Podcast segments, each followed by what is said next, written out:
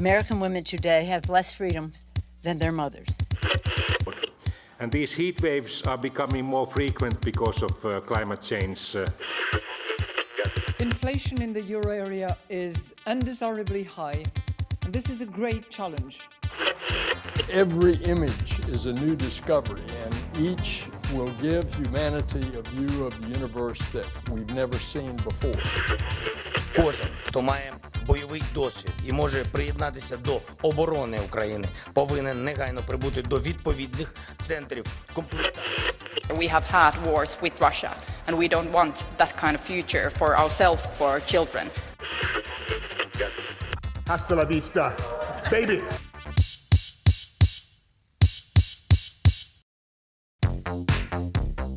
Þú ert að hlusta á heimskviður, þáttinnum það sem gerist ekki á Íslandi. Ég heiti Bjarni Pétur Jónsson. Við Birta Bjóstóttir ætlum að fylgja ykkur í haust og í vetur og samt fjölda frétta og daskógerðamanna og eins og síðustu árverður þátturinn að dasgra á laugadögum strax að loknum hátegisvettum. Við höfum í þáttum sumarsins verið að horfa yfir farin veg og rifja upp margt af því sem við gerðum í þættinum í vetur og vor og ætlum að halda því áfram í dag og við skulum byrja í Argentín. nos hemos logrado imponer individualmente, sino que además hoy somos la fuerza más votada, porque somos la verdadera oposición, somos los únicos que queremos un verdadero cambio. Þetta er Javier Milei sem gæti orðið næsti fórseti Argentínu. Hann er mikill aðdáandi Donalds Trumps og fer fyrir flokknum La Libertad Avanza, frelsið í forgrunni og sagði sig og flokkin eina raunverulega valkostin fyrir Argentínumenn sem vildu breytingar. Milei skaust óvænt upp á stjórnuhimmin argentínskra stjórnmála í fyrra. Hann fekk flest atkvæði í forkostningum í vikunni fyrir fórsetakostningar sem verða í Argentínu 22. oktober. Hann gætu því vel orðið næsti fórseti landsins. Hann er frjálsökjumadur og hvatti stuðnismenn sína til dáða þegar úsleitin voru ljós. Invito a los argentinos a sumarse a la revolución liberal que va a hacer que en 35 años Argentina vuelva a ser una potencia mundial. Muchas gracias y ¡Viva la libertad, carajo! ¡Viva la libertad, carajo! Viva la libertad, carajo! Lengi lifi fjárans frelsið, kallaði Milei aftur og aftur til stuðnismanna sinna í Buenos Aires. Hann þykir eiga ágættis möguleika á ná kjöri en helsta ástæða vinsældana er báur efnahagur Argentínu. Landið er enn og aftur komið á vonarvöl, verðbólga mælist 116% og lífskera kreppan sem herjar á stóran hluta heimsbyðarinnar þrengir alveg sérstaklega Argentínumönnum. Við skulum rifja upp ferðalega okkar til Argentínu frá því í vor og kynast betur Javier Milei, pípar sveininum og frjálsíkjumanninum sem geti orðið næsti fósetti Argentínu.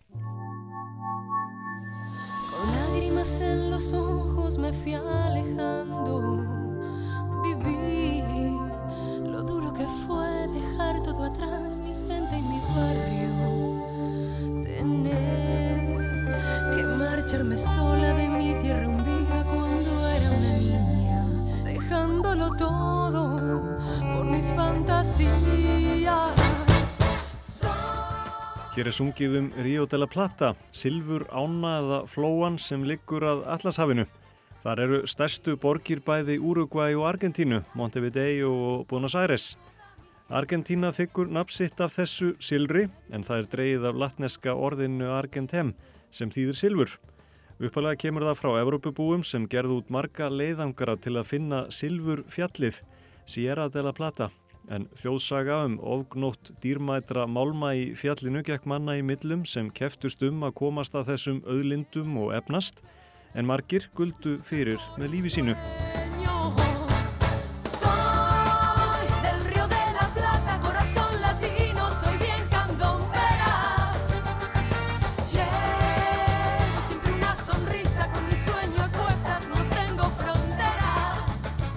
Þetta var á 16. og 17. öld og strax ljóst að þetta land Silfursins væri ríkt af auðlindum. Framan af 20. öld og fyrir heimskreppuna um 1930 var Argentina eitt ríkasta land heims miða við höfðatölu. Það flutti út mikið af kortni og kjöti og fyrir um 100 árum var þjóðarframleiðsla í Argentínunari helmingur þjóðarframleiðslu allra ríkja Suður Ameríku. Viðskipti þaðan og þangað námu 7% af öllum vöru viðskiptum á heimsvísu. En frá því um miðja 20. öld hafa fá ríki átt í jafn miklum efnagserfileikum og nú er svo komið að margar kynnslóði líta á 20 til 30% verbolgu sem venjubundið ástand. Íbúar hafa lengi búið við óða verbolgu og notast við meirhluti þeirra mestu við reyðufjö. Talið er að Argentínumenn eigi tugi eða jafnvel nokkur hundruð miljardar bandrækjadala undir kottanum. Reyðufjö er notað í flest allt til að fara í búðina, kaupa blóm, buksur eða bíl og staplar af dollurum eru daglegt brauð. En staplarnir eru alltaf að verða sjálfsíðari og smerri og erfitt að verða sér út um aur. Verðbólka fór í fyrsta sinni rúma þrjá áratíu yfir 100% í februar og bara farið hækkandi síðan. Verð á helstu nöðsinjum sveiplast því mikið en mjölkur lítrin er á jafnverði 160 íslenskra króna og bensínlítrin á 140 krónur. Verðið er því nokkurn veginn helmingi læra en hér á landi en það hefur lítið að segja því meðallaunin eru líka mun læri, jafnverðum 200.000 króna.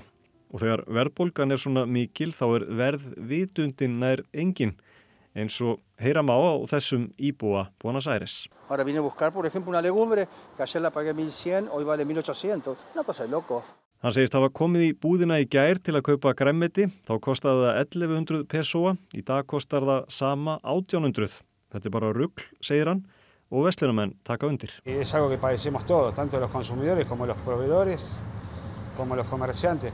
No llegamos nunca a estar estables y, y poder vivir tranquilamente. Þetta bitnar á öllum, bæði okkur vestlunamönnum og neytendum. Þetta er ástand sem að reynir mjög á alla, segir slátrari í Aires.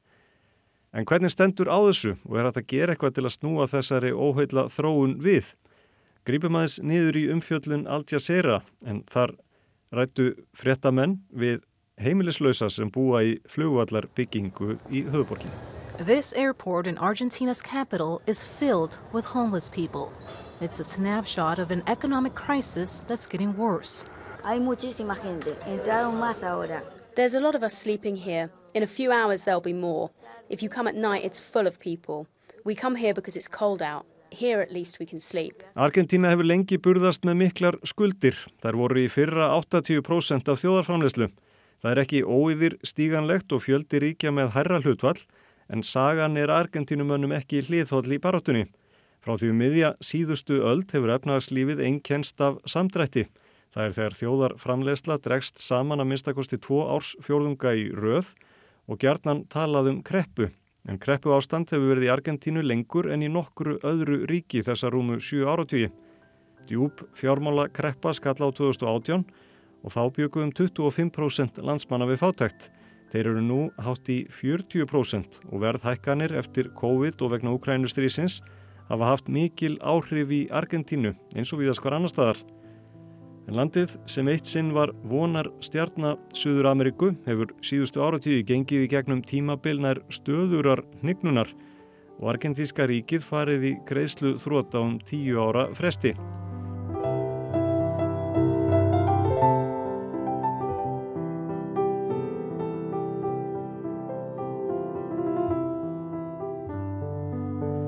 Við þessar aðstæður hefur lengi verið varað við atgerfis flótta. Það er að velmenta fólk leiti annað í meiri stöðuleika og betri laun þar sem meira fæst fyrir peningin. Og allra síðustu ár hefur þessi óheilla þróun sótt á. Með fjöldi sóttu um spænskan og ítalskan ríkisborgar rétt árið 2021 og stöðugur ströymur fólks hefur verið í ári yfir til nágranna ríkjana Chile og Uruguay. Og það eru efnaðs erfileikarnir sem reka fólk á flótta. 2018 hrundi gengi Pesoans, gjaldmiðils Argentínum, sem misti þá helming virði sín skakvart bandarækjadal. Alþjóða gjaldirisjóðurinn stökk til og lánaði 57 miljardar bandarækjadala til að hægtir það bregðast við og koma á stöðuleika, en argentínska efnaðskerfið er það næst stærsta í Suður Ameríku og það hefur ekki náð sér síðan.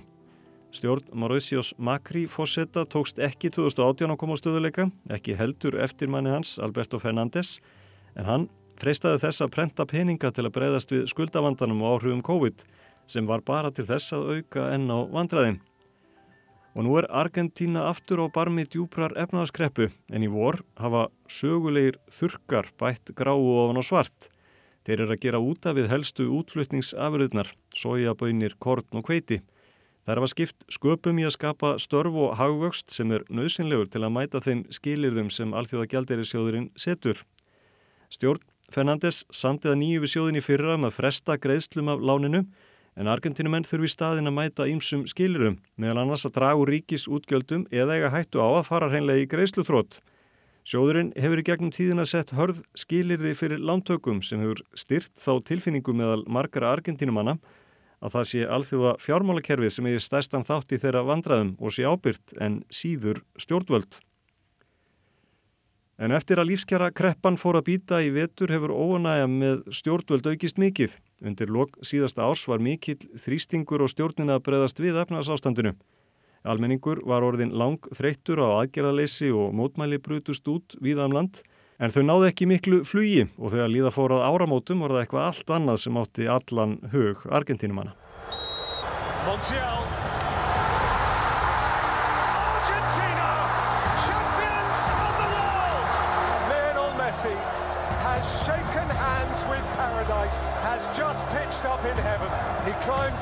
into a galaxy... Argentína triði sér sigur á HM í fótbolta í Katar með því að leggja frakka í einum ótrúlegasta úrstýrtaleik heimsmeistaramótsins. Þar með tókst Lionel Messi loksins að hampa HM gulli og fullkomna þar með fyrirlinn og ef því var ekki lungu lokið endanlega tryggja sér sessi í hjörtum Argentínumanna en fáar þjóðir hampa fótboltanum á þá.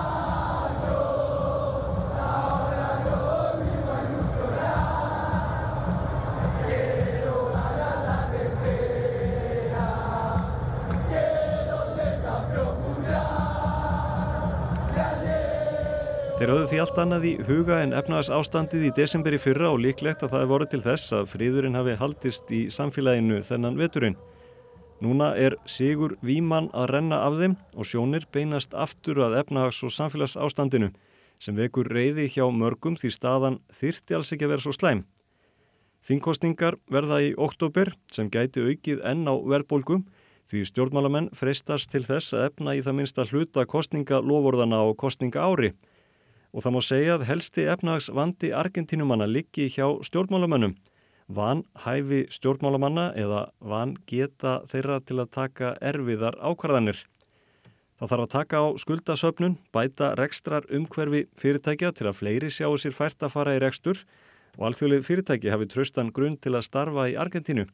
Og svo gæti til skams tíma í það minsta þurft að hækka skatta til að breyðast við.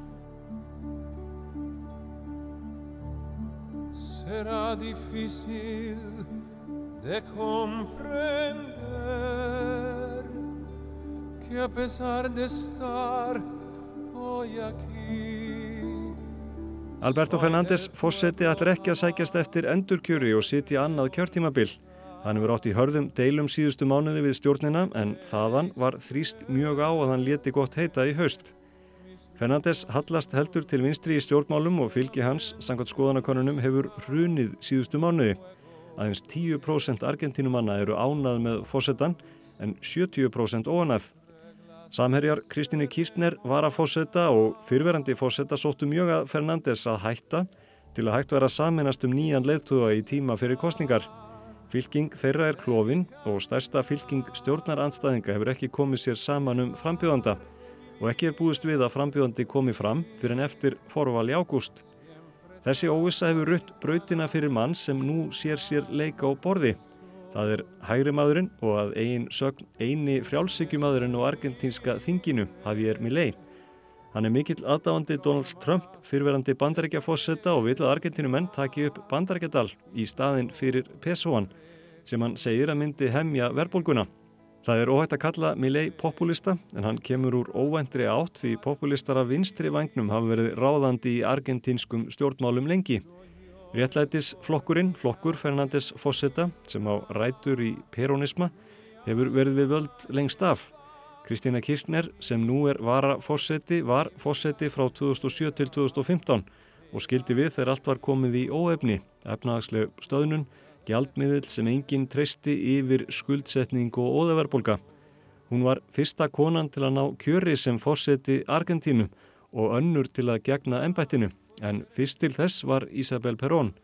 Hún tók við af einmanni sínum, Juan Perón, sem lést í ennbætti 1974 og Ísabel gengdi því þar til herfóringastjórnin tók völdi 1976.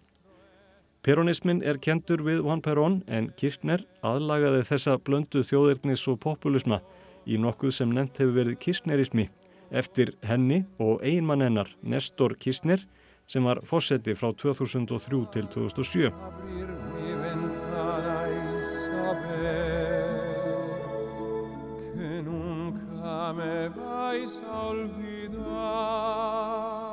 En snúum okkur aftur að frjálsíkju manninum Javier Milei. Hann er óvinulegur stjórnmálamadur svo ekki sé dýbra í árinni tekið og ætti ekki að fara fram hjá neinum með mikið og úvið hár, þykka barta niður á miðjar kinnar. En vegna luppans hefur Milei fengið viður nefnið El Peluca, hárkollan, en hann segist sjaldan greiða sér og er því jafnan frekar úvinn þegar hann kemur fram ofinbellega. Milei er rétt rúmlega 50 af ungverskum ættum en fættur í Buenos Aires. Þar býr hann í dag á samt fimm meistarahundum, Mastiff, sem eru stórir og miklir veiði hundar og bannað að flytja til að mynda hinga til hans. Hann endi þá alla eftir hagfræðingum sem segir mikið til um hvar áhuga sviðið liggur en sjálfur lærðan hagfræði. Einn hundurinn heitir eftir einum þekktasta hagfræðingi frjálsegjunar Milton Friedman sem sumleðis átti rætur í Ungveralandi. Milley vakti fyrst aðtikli í sjónvarpi fyrir gaggrinni sína á Kirchner og Fernandes núanandi fósetta en hann fer mikinn í gaggrinni sinni á ráðandi öfli í Argentínu og mikið hefur verið gert úr piparsveina lífverðni hans í argentínskum fjölmjölum. Þar eru frjálsar ástir aðal atriðið en frelsið er honum afar hugleikið. Stjórnmálaflokkur hans nefnist La Libertad Avanza, frelsið í forgrunni og snýsta mestu um hann þessa dagana. Milley hefur mælst með mest fylgi einstaklinga í skoðanakonunum fyrir forvalflokkana í ágúst. Síðustu mánuði hefur Horacio Rodríguez Larreta, borgarstjóri í Buenos Aires, þótt líklegastur stjórnaranstæðinga til að velta Fernandes fósetta úr sessi. En vegna efnags ástandsins virðast sífælt fleiri argentínumenn vilja rótækar breytingar. Og þar kemur Javier Milley sterkur inn. Hans stefnumál eru mjög rótæk Hann ætlar að skera niður ríkis útgjöld svo um munnar, fara með keðjusög á bókaldið eins og hann orðaða og draga úr útgjöldum um að minnstakosti 10% af þjóðartekjum á fyrsta ári sínu í ennbætti, náðan kjöri. Þá vil hann gera eins og Ekvator og taka upp bandarækjadal í stað argentínska pesoans og segist frekar skera af sér aðra höndina en að hækka skatta. Þá vil hann einnig banna þungunarof og slaka mjög á bissu lögjöfu í Argentínu. Þetta er allt mjög umdelt en áhrif hans fara vaksandi og ráðamenn eru farnir að svarunum og málflutningi hans beint sem eigur bara á vinsældirnar. Stjórnmálaskýrindur eiga von á því að þær aukist í það minsta á miðan lillar breytingar verða í efnagasmálum en taka þarf velgengninni með fyrirvara því skoðanakannanir í Argentínu eru þekktar fyrir að vera óreðanlegar. En það verður spennandi að fylgjast með vali flokkana og frambjöðundum í ágúst og hvort Milei tekst að koma vinstrimönnum frá völdum. Vinseldir Javiers Milei koma flestum öðrum en honum á óvart. Hann segist vera sá eini sem segir hlutina eins og þeir eru. Sumir kalliðan brjálaðan en það sé oft brjálaðingarnir sem hafi rétt fyrir sér. Og frjálsíkjan eigi eftir að taka yfir og Argentína verði frjáls og frjálslind að nýju.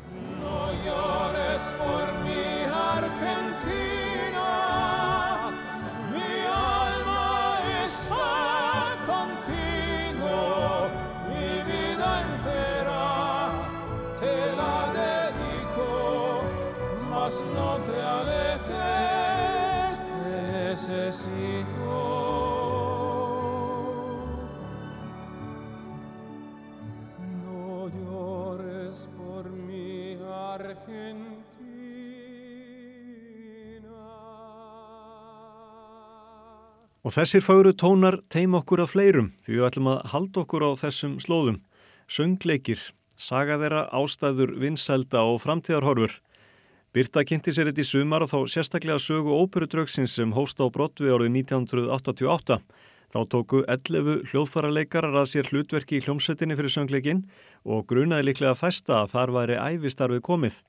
Í april var lokasýningin á brotvi en á þessum 35 árum höfðu þeir leikið í hátt í 14.000 síningum.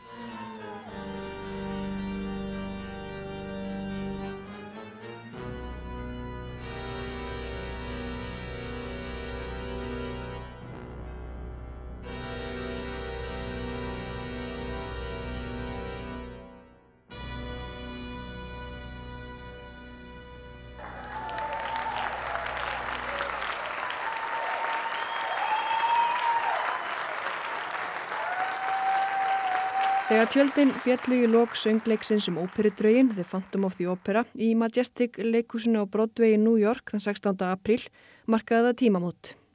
Þetta var síðasta síningin, nánatiltekið síning nr. 13.981.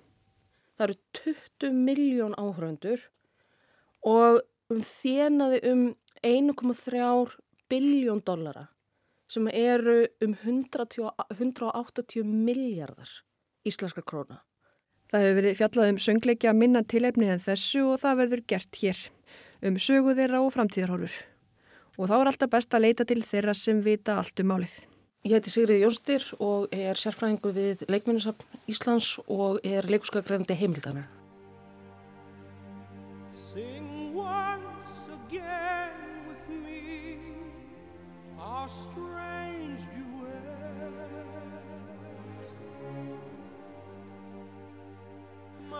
Það voru, það var um það byrj 6500 manns komið að síningunni eða unnið við hana.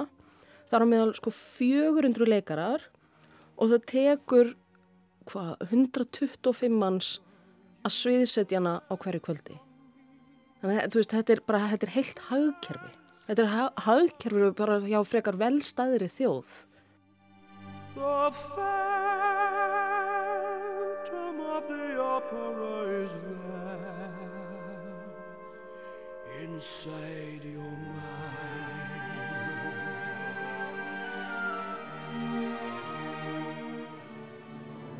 Uppsetningin á óperu draugum er svo langlífasta af þeim öllum í sögu Brodvei. Verki var frumsýn þar árið 1988 fyrir 35 árum. Brodvei samanstendur af um 40 leikhúsum og enn fleiri síningum í leikhúsakverfi Manhattan í New York í Bandaríkjónum. 27 hljóðfærarleikarar kerðu síninguna um óperudraugin áfram á hverju kvöldi alla þessa áratugi og 11 þeirra voru með frá upphafi í öllum síningunum frá árinu 1988. It's me they hear, my spirit and your voice in one combined. Gerði voru tímabundnir samningar við leikara síningarinnar en samningar tónlistafólksins voru annars eðlis. Hljóðfæra leikara síningarina voru fastráðnir og gáttu því haldið áfram allt þar til yfir lauk. Ég viðtölum eftir að síningum lauk hafa nokkur þeirra tjáð sig um þessa næstum heilu starfsæfi.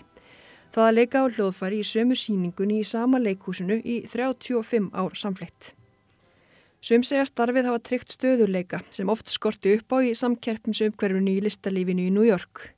Þau hefur mörg geta sendt börnin sín í háskóla vegna þess að þau voru í föstu starfi. Trompetleikarin Lowell Hersey er eitt þeirra sem leki í síningunni frá upphafi til enda. Hann sæði í viðtali við New York Times að fyrst af þau allra bjart sínistu spá því að síningin geti mögulega gengið í 5-6 ár. Árin urðu 35 talsins. Þó óperudraugunni sé langlífastur á fjölum Broadway er hann samt bara einna mörgum. Einna fjölum mörgum söngleikjum sem hafa átt vinsaldum, mis miklum þó, að fagna í um 100 ár.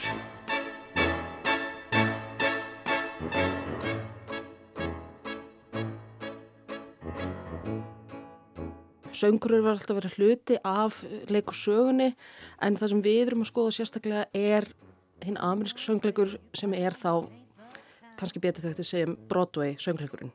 And all that jazz, I'm gonna rouge my knees and roll my stockings down.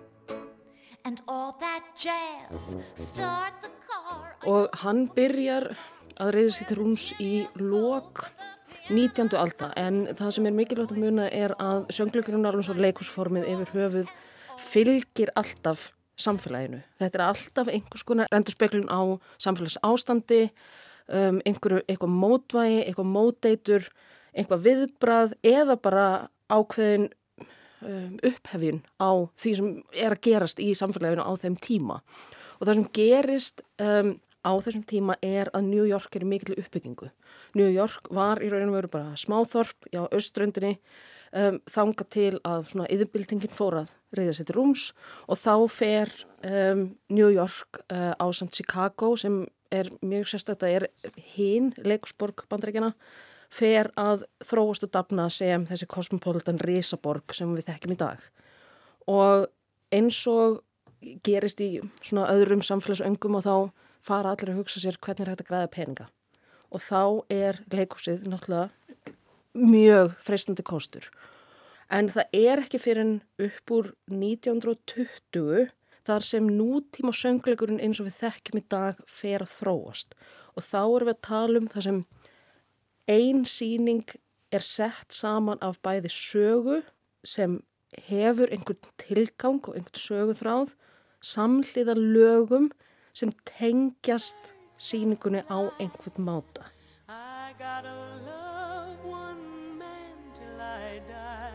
Sigriður segir að síningin sjóbót marki þannig ákveðin þáttaskill, sönglaugur eftir Hart og Hammerstein.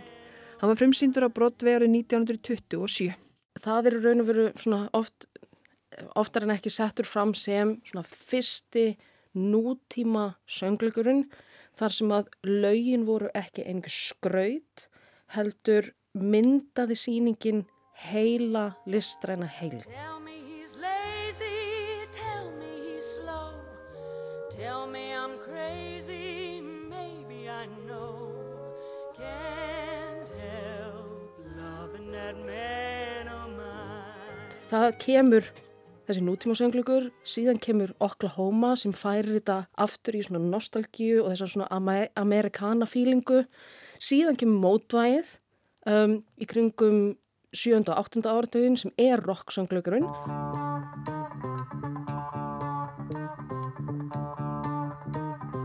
Hárið og við höfum þarna Jesus Christ Superstar og fleiri svona þesslega söngleiki. Síðan kemur eitthvað sem er oft kallað ég söngleikurinn sem fjallar um svona einstaklingin að eiga við, veist, að finna sjálfan sig í þessum erfiða samtíma heimi en svo kemur upp úr 1980 það sem kallast oft spektakulsöngleikurinn eða svona sjónarspils söngleikurinn sem er þetta risastóra, þú veist þetta svona ævintýralega flokna tækniskrimsli. Sigriður segir þegar sjónaspils söngleikinni séu annars vegar sé þar eitt nafn efst á bladi. Þar má þó helst nefna Andrúlega Döber. Mikið af þessum stóru megasöngleikum eru sko inn, innfluttir frá Englandi. Þannig að þetta er innflutningsvara til að byrja með sem gerir þá mjög svona sérstaka og eru líka mjög svona endur spekla mikið þennan uppgang sko nýfröðheikunar líka. Veist, það eru margir sem að tengja þetta mjög skýrt við, þú veist, reikantímabilið. Og þarna fóru söngleikir sko að græða stóra peninga. Ekki bara, þú veist, enda á nulli eða fá eitthvað meira tilbaka í pluss. Núna erum við að tala um sko stóra peninga.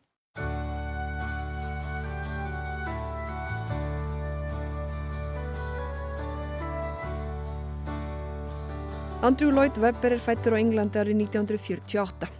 Hann hefur samið yfir 20 söngleiki og á líklega væna bókaheitlu fyrir öll velunin sín. Hann er einn af fáum sem hafa unnið Óskarsvelun, Grammy, Emmy og Tony-velunin. Það sem Andrew Lloyd Webber gerði var að hann sko setti saman fyrirtæki í kringum sín, sitt svona höfundaverk og það byrjaði með Jesus Christ Superstar sem byrjaði sem sko konceptplata áður en að þetta fór síðan á Broadway.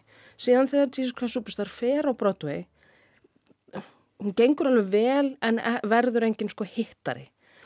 En það sem hann gerir sig grein fyrir í þessu amríska svona kapitalísku umhverfi er að því meiri stjórn sem þú hefur á þínu eigin höfundaverki, því meira hagnast þú. Þannig að hann stopnar það sem heitir í dag Really Useful Group.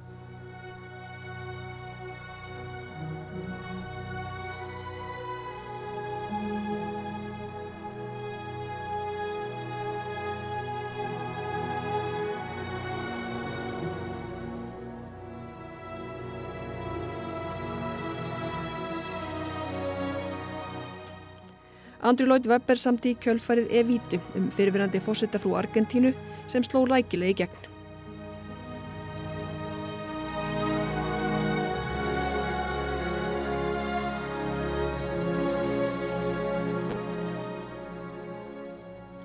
Og þá var hagur hans virkilega farin að vangast og hann hugsaði sér lengi um að hann reyðist í næsta söngleikaverkefni, Cats.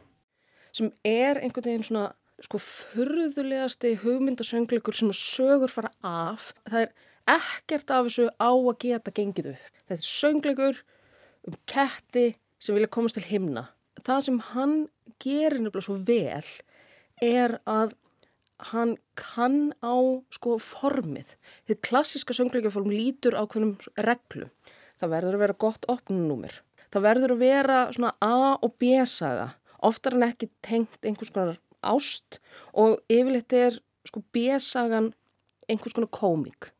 Síðan er, þú veist, hefð fræga það sem heitir á ennsku 11 o'clock number sem er annarkort næst síðasta eða síðasta lægi í söngleiknum. Og ef þú nærð þessu og mögulega hafa eitt svona freka smellið lag rétt fyrir hlið, þá ertu ansi góður.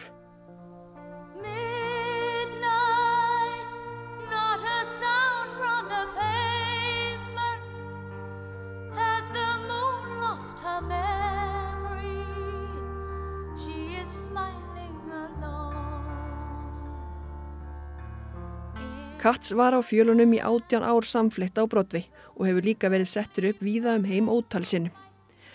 Á eftir köttum í gullbúrum bauð Andri Lótt Webber söngleikja glöðum upp á Starlight Express. Ekki var söguþráðin þar síður frumlegur, sá fjallarum lestir á hjólaskutum. En á eftir það kemur síðan bara, veist, söngleikurinn til að toppa það allt. Eða þessi tveir söngleikir sem er, veist, að toppa það allt. Og það er Phantom of the Opera, Óperudraugurinn og Leimis, eða Vesalingarnir, sem koma meir og minna út eiginlega á svipum tíma. Og það er oft talað um að sko þessir tveir og Miss Saigon hafi svona verið hápunkturinn og endalögin á þessu svona, svona megamusikal uh, tímabili. The phantom of the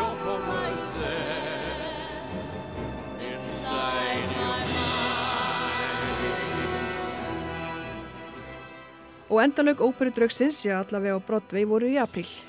En er eitthvað sérstætti þessa síningu sem gera hana svona vænlega til vinsælda og miðasölu í áratugi?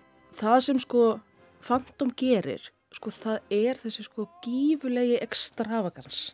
Þetta er þetta sko rosalega stóra, stórar tilfringar, stórt sett, stór leikmynd, stór atriði í einhver svona exotísku, svona framandi umhverfi, það er nostalgía, það er romantík og ég fór að hugsa, hugsa það á leiðninga að þetta er söngleikur sem að bókstaflega er hengdur á ljósokrónu. Og það sem var þetta stóra augnablík sem að sko fólk fór sérstaklega í leikusið til að sjá var ljósokrónun.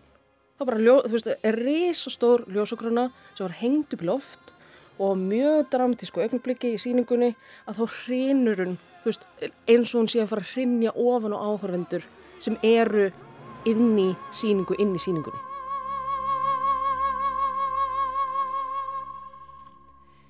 Eins og framhefur komið stopnaði Andri Lloyd Webber fyrirtæki utan um söngleiki sína. Fyrirtæki sem fylgist með og kemur að uppsetningu allra verka hans allstæðir í heiminum. Og fær auðvitað hluta af ágóðanum. Þú veist, Phantom of the Opera kannski verið, að- veist, verið að sína hana á sex mismunandi stöðum, hún er að túra á þremu mismunandi stöðum og það eru kannski átta mismunandi koncertútgáður í gangi. Þannig að, og þetta náttúrulega er það sem rakar inn peningin. En af hverju var ákveð að hætta síningu núna eftir þessi 35 ár með þess að tölur sem átt að tellja upp og svona? Var þetta bara búið? eða? Það, nei, það er bara mjög einfalt mál og það eru peningar. Að hluta til COVID, bara leikur sem lokuðu og það rekstra umhverjuð var miklu, miklu erfiðara heldur en nokkuð tíma áður þó að brotu hefi alltaf farið í gegnum einhverju svona erfiðleika tímabil og síðan dróst á langin að það tók mjög langan tíma, það, það er mögulega bara ja, fyrst núna á þessu ári sem að áhörundur eru að skila sér aftur í leikhús. Rekstrar kostnaður fyrir eina síninguviku á Phantom of the Opera voru 950.000 dólarar. Það er ein vika í síningu sem jafngildir um það byrj 130 miljónum íslenska króna. Sem þýðir að til þess að enda á nulli þá þurft að þjena 130 miljónir á viku. Og það var bara hreinlega ekki að gerast eða tók allt of langan tíma. Þótt óperu draugurinn sé hér í aðalhlutverki er hann auðvitað langt í frá eini vinsæli söngleikurinn.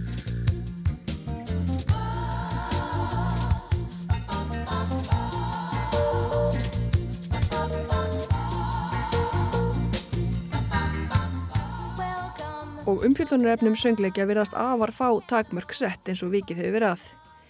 Píslar Saga Krist, Ástir og Eitulif Hárprúðra Hippa og Sönglandi Kettir eru meðal sögursviða nokkra vinsælustu söngleikja síðustu áratjóða.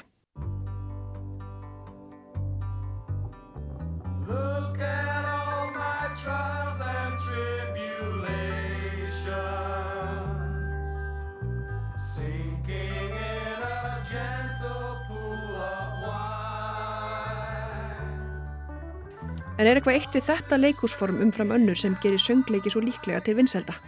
Það er nefnilega heilum að þetta er vinsælt leikús.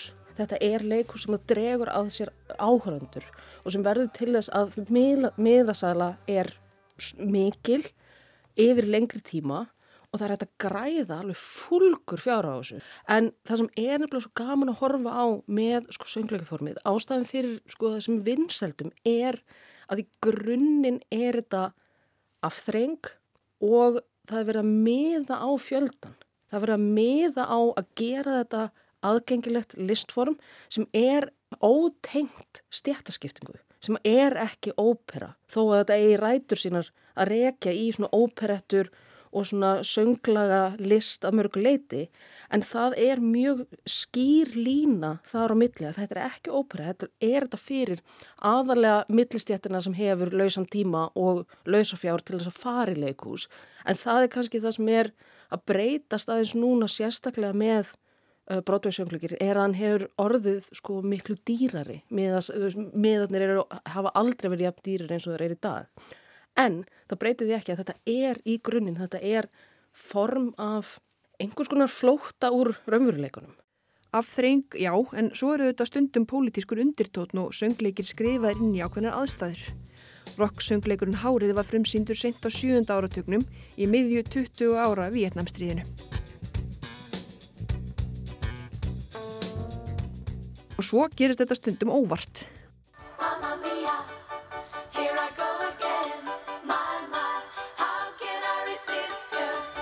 Sko Mamma Mia hún er algjörlega saman ofinn sko ástandi í samfélaginu uh, og vinsældir söngleiksins að ég tel ein af sko skýrustu ástæðum þess að hún slæri gegn í New York er að Mamma Mia var held ég sko allavega fyrsti söngleikurinn ef ekki fyrsta frumsýningin eftir 11. september hún er frumsýnd stuttu eftir þennan skelvilega, hræðilega atbyrð sem átti sér staði í New York.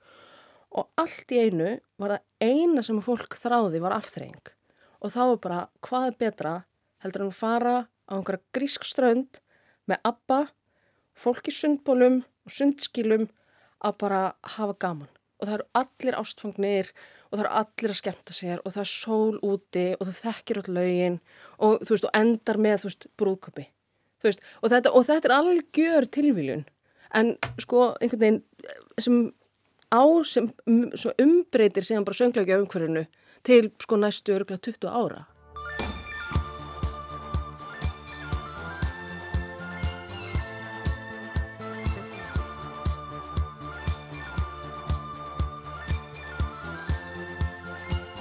Mamma Mia er einn af þessum söngleikjum sem skrifaðir eru í kringum tónlist sem þegar var til og var vinsæl. Söngleikir byggður á Disney-teknumyndum eru annað dæmi um vinsælega söngleiki sem eru gerður úr áður byrtu efni. Og það er vísir að þessu hér á landi.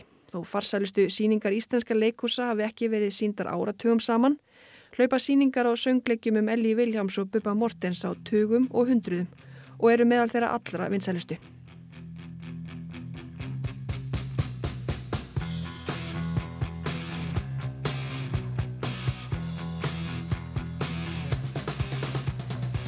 Tjöldin eru fallin hjá óperudraugnum og brotvi, þó hann gangi aftur víðar um heim og haldi því líklega áfram um ókamna tíð. En hverjar telur Sigriður framtíðarhorfur söngleiksins á tímum sívaksandi samkeppni á sviði afþreyingar? Söngleikurinn mun alltaf verða til. Þetta er alveg svo, það er alltaf verið að tilkynna dauða skaldsögunar, dauða leikusins og, og þarna dauða málverksins. Það er bara að það gerist á hverju einustu, þarna einasta áratví, bara með mismunandi formum. En síðan er bara spurningum sko, hvert er næsta skrefið.